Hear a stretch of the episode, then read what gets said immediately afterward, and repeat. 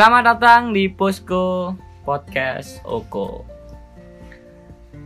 Ya, di episode pertama ini kita akan membahas tentang citizen journalism. Namun di sini saya tidak sendirian untuk kita membahas citizen journalism itu. Saya ditemani oleh Kating Ilmu Komunikasi Universitas Tidar angkatan 2017. Kita sambut Austin Rizkita Indira Putri. Yeay. Yeay. Halo kok. Halo Kak, gimana Kak Iya. kabarnya Kak? Baik alhamdulillah. Gimana aku gimana kabarnya? Baik juga. Eh, Kira-kira kesibukannya apa nih? Kesibukannya lagi UAS ini kita kan. Oh ya lagi uas ya. Iya, minggu pertama UAS ini. Jadi eh karena ini membahas tentang citizen journalism dan kita juga eh, termasuk di dalamnya gitu. Kita termasuk citizen dan kita bisa menjadi pelaku citizen journalism. Nah, eh, mungkin sebelum kita membahas lebih dalam, Ya. kira-kira eh, hal yang terlintas ketika orang bilang atau ngomong tentang citizen journalism hal yang terlintas pertama kali di pikiran Kak Austin itu apa? Eh, citizen journalism itu jurnalisme warga ya, Hmm, di mana dalam praktek jurnalistik itu ada partisipasi dari masyarakat. Oh ya. Jadi apa kita sebagai masyarakat itu bisa ikut andil dalam menyampaikan informasi atau berita gitu ya. Oh ya, berarti eh, citizen journalism itu bagaimana warga itu bisa ikut andil atau bisa berperan menjadi jurnalism dengan Iya, menjadi jurnalis. ya dengan apalagi saat ini perkembangan teknologi yang Hmm, sudah sangat betul. pesat ya kan Iya. pasti kebanyakan lah atau hampir 90% setiap eh, orang itu punya HP yang sudah ada kameranya dan itu menjadi hal yang cukup untuk membuat atau menjadi pelaku citizen journalism ya nggak kak? Iya. Nah, namun tidak hanya HP yang ada kameranya juga, tapi eh, harus punya internet juga ya kayak buat penyebarannya. Iya, apalagi kan sekarang pengguna internet juga udah makin banyak ya. Hmm. Itu hampir 70% sih dari penduduk Indonesia.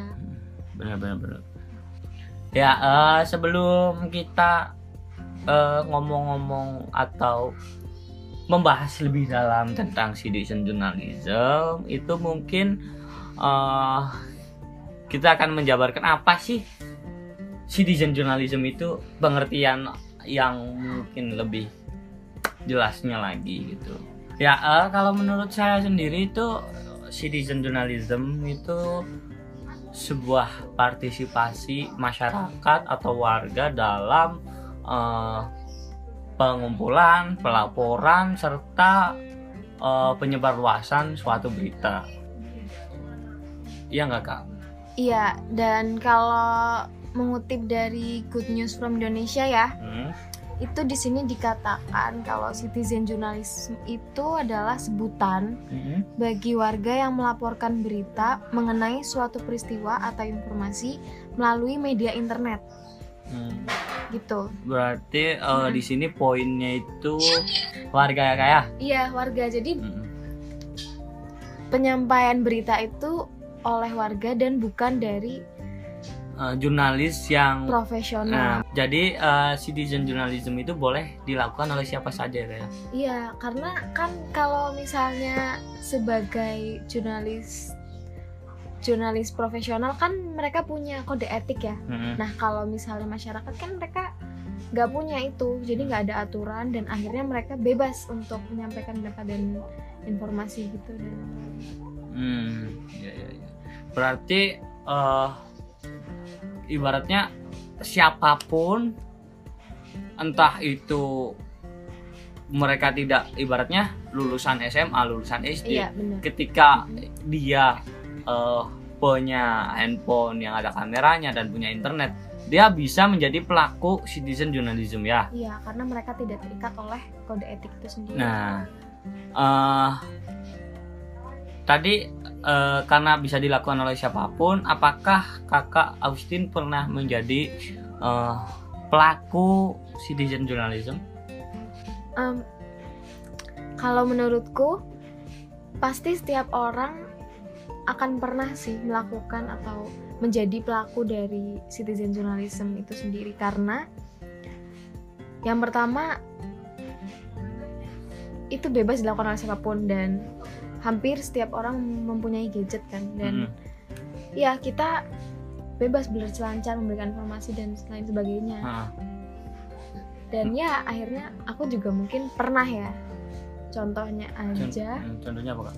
Iya, contohnya aku pernah memposting foto Hmm, di Instagram, story Instagram ya, ya. story Instagram. Iya, itu tentang kemacetan. Jadi pas mau pulang kan ada kemacetan dan aku post. Dan dari situ ternyata banyak yang Respon. iya banyak yang respon, Hmm. banyak yang tertarik dan akhirnya tanya itu di mana dan lain sebagainya gitu kan. Dan akhirnya kan itu sama aja aku udah memberikan informasi ya, udah menjadi citizen journalism, Hmm. memberikan informasi dan berita kepada Oh ya. Nah, eh eh, sa- saya juga pernah itu waktu SMA itu mungkin menjadi pelaku citizen journalism dengan eh, menyebar dengan menyebarkan berita saat itu saat posisi saya masih SMA itu saya melihat ada tilangan di kota dan Mhm. saya foto terus saya share di Instagram Story dan Story WA dan teman-teman saya itu pada respon itu di mana itu di mana itu tuh. jadi eh, saya menyampaikan itu eh, menjadi hal yang positif atau menjadi informasi bagi teman-teman saya Iya. buat tidak melalui jalan itu.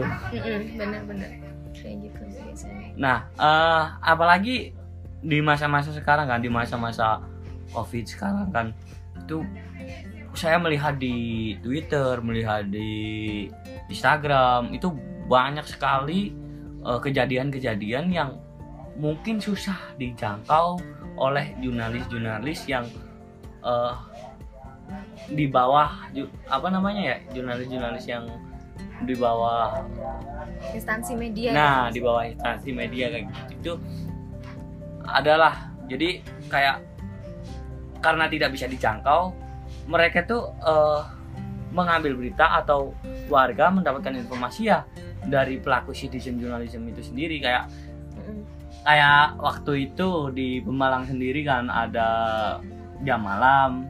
Iya. Ya kan ada jam malam diadakan jam malam. Dan jujur saya tahu ah, diadakan jam malam itu ya bukan dari langsung pem- apa berita dari pemerintah atau apa tapi dari teman saya sendiri. Ketika ia eh, namanya nge-screenshot ya nge-screenshot eh, tentang jam malam itu lalu dia share di story dan Share di story Instagram story WA itu saya jadi tahu oh ternyata ada jam malam gitu. iya sama sih aku juga ngelihatnya dari story WhatsApp teman Nah.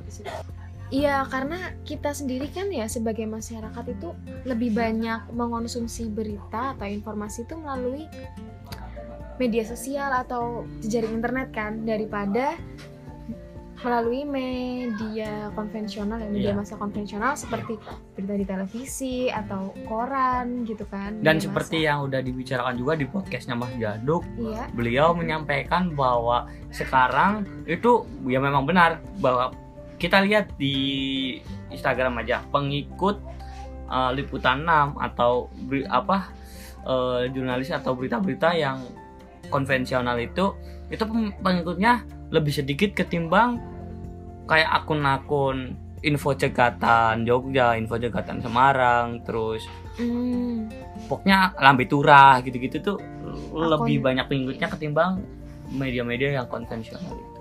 iya iya sih Itu eh, disampaikan juga di podcastnya Mas Jadu. Itu memang benar sekali. Jadi kayak eh, masyarakat itu lebih senang mendapatkan atau melihat berita dari media-media yang namanya apa ya kalau misal itu? Iya itu jurnalisme warga nah itu sih. ya, eh, ikutnya jurnalisme warga ya. Iya. karena mungkin ada chemistry lah di situ. Lebih percaya dan karena jur- mungkin jurnalisme warga juga tidak tidak ditunggangi atau tidak memiliki tujuan Iya. yang ada tujuan lain di balik itu gitu. Ya nggak Iya benar.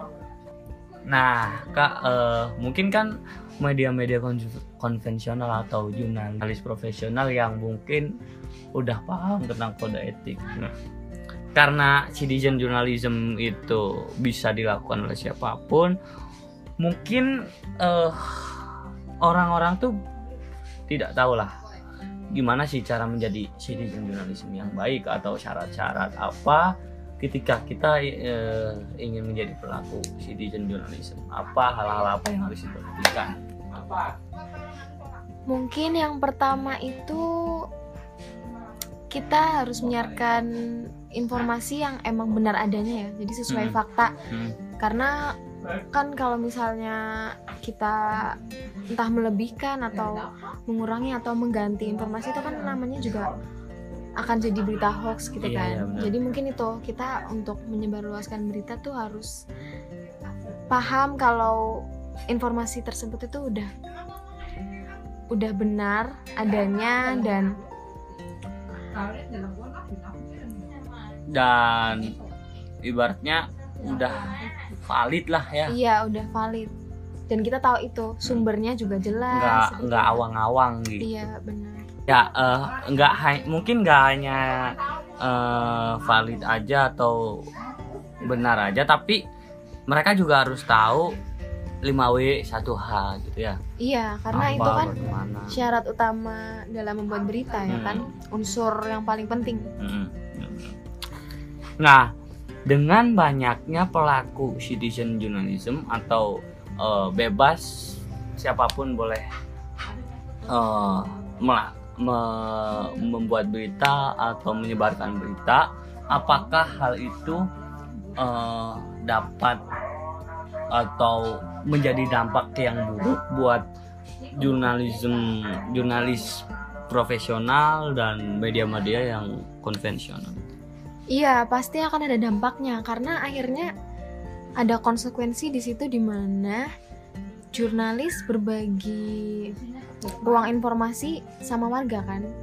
Kayak yang tadi udah dibilangin contohnya kan em, pengikut di Instagramnya media tua. iya media Iya. konvensional Oh. liputan 6 dan Ah. lainnya itu lebih sedikit dibanding jurnalisme warga Ah. seperti Lampu Turah terus Ah. apalagi tadi ada disebutin Eh, info Jakarta. Iya, kayak gitu. Akhirnya kan mereka berbagi informasi kan dan kita nggak bisa menjamin keakuratan dari berita yang disampaikan oleh jurnalisme jur- jurnalisme warga itu. Ya kan kalau misalnya berita yang diberitakan oleh media konvensional kan mereka udah melalui banyak proses itu ada cross check dan lain sebagainya kan. Nah, kalau jurnalisme warga di situ tidak ada apa namanya? Nggak ada. penyaringan lah, Iya, nggak ada nggak ada. proses sebelum menyebarkan itu nggak ada prosesnya gitu langsung Iya. langsung aja gitu. Nah itu akhirnya kan kita harus menimang itu apakah berita itu akurat atau enggak Nah, kayak gitu.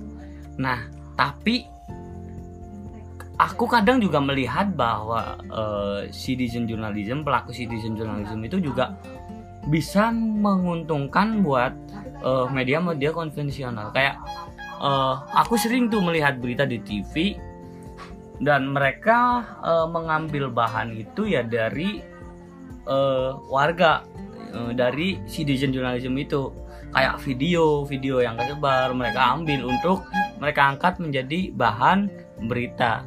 Iya benar karena gimana ya jurnalisme warga itu lebih cekatan sih ya Ya, dalam jadi, ah. mendapatkan informasi. gitu Ibaratnya kan. Mm-mm. mereka tuh di mana di mana aja Mm-mm. itu ada gitu. Iya. Nggak seperti jurnalis-jurnalis profesional.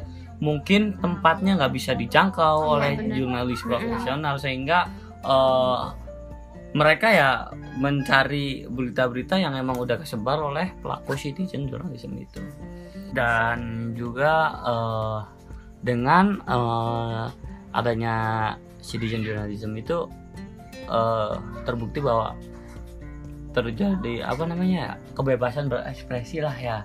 Iya. Eh, kebebasan berekspresi eh, warga itu sendiri. Nggak ada apa namanya ya pakem atau eh ibaratnya tekanan dari pihak-pihak tertentu. Gitu. Ah tapi kadang kadang nih ya eh, mungkin Kausin pasti punya grup keluarga ya. Iya. Nah, kadang di grup keluarga itu kan sering tuh ada yang nyebarin tiba-tiba nyebarin berita. Terus, nah padahal itu tuh eh belum bisa dipercaya tuh iya karena benar-benar eh, berita itu tuh kadang yang pelakunya ya juga eh citizen journalism itu warga itu sendiri. Nah, gimana nih kakak sebagai mahasiswa sebagai mahasiswa lah ya eh, itu gimana nyikapinya? Iya, untuk kita sebagai penerima informasi kayak gitu sih harusnya apalagi aku ya sebagai mahasiswa ilmu komunikasi kan. Kita kita. Iya, kita. Tadi kan tanya ke aku. Iya. Iya kan? Lebih ini sih lebih warning jadi lebih apa ya, hati-hati banget untuk nyebarin berita apalagi kalau misalnya itu disebarkan ke grup keluarga biasanya lebih ini sih lebih minta cross check atau apa namanya ya ngasih tahu sumber aslinya. Jadi nggak nggak bisa asal asal sebar main sebar kayak gitu. Tapi kan kadang kan ibu, bapak, ya kan? iya kita kadang bilangin dong Ah. kayak misalnya itu sumbernya dari mana? Apakah udah gas atau belum? Kayak gitu juga penting. Dan apa namanya ya, kadang juga nasihatin mereka kan biar jangan terlalu mudah percaya dengan berita yang and tersebar. ya. iya cek and recheck itu nggak cuma dilakukan oleh jurnalis tapi Hmm. kita sebagai masyarakat biasa juga karena kita yang terima informasinya kan Hmm. masa iya kita mau makan apa namanya mau nerima berita hoax Iya. apa sih em, saran dari Oko sendiri Oh, buat pelaku jurnalisme warga untuk menjadi lebih baik lagi saran ya saran dari saya sih untuk menjadi pelaku citizen journalism yang baik mungkin lebih kayak melatih kepekaan sih kak melatih kepekaan dan naluri dalam me- membagikan berita kayak berita tuh layak nggak sih buat di share gitu Iya. layak buat sih dikonsumsi oleh halayak luas gitu gitu mampu menyaring informasi Nah, gitu. terus yang kedua juga mungkin karena mungkin setiap kejadian, setiap hal-hal apa yang kita lakukan itu banyaklah kejadian-kejadian kecil yang terjadi saat itu. Nah, dari situ mungkin kayak rajinlah menulis atau eh, mengamati berita-berita apa yang udah terjadi di sekitar kita gitu. Iya. Rajin menulis gitu-gitulah Kak, belajar menulis terus yang baik. Terus yang ketiga juga kayak eh, memverifikasi atau memastikan berita atau informasi yang akan kita share. gitu. Iya. Fak- faktanya itu seperti apa? Yang kayak tadi Kak Austin bilang. dilacak dulu kebenarannya Nah, ya iya gitu. Terus mungkin selanjutnya juga eh memahami lah sebuah produk jurnalis. Maksudnya kayak eh kita tuh eh, mungkin baca-baca koran gitu, terus eh lihat berita-berita yang disebarkan oleh media-media konvensional gitu-gitu lah Kak. Jadi dari situ mungkin kita tahu berita yang harus kita sebar dengan eh, ibaratnya menyusunnya itu seperti apa gitu sih kak. Iya. Mungkin itu sih saran dari saya. Ya eh, mungkin segitu aja podcast pertama kita eh, di Posko podcastnya Oko eh, yang kebetulan hari ini eh, kedatangan bintang tamu Austin di sekitar Indira Putri. Eh, sebelumnya saya ucapkan terima kasih buat Kak Austin iya sama-sama terima Ya. kasih kembali karena udah mau dalam pembuatan podcast ini. dan juga terima kasih buat yang sudah dengerin semoga di podcast selanjutnya saya bisa menghadirkan bintang tamu bintang tamu yang menarik seperti kau setiap hari. Ya. Wabillahi taufiq wal hidayah. Wassalamualaikum warahmatullahi wabarakatuh. Sampai jumpa di episode selanjutnya. Diri during.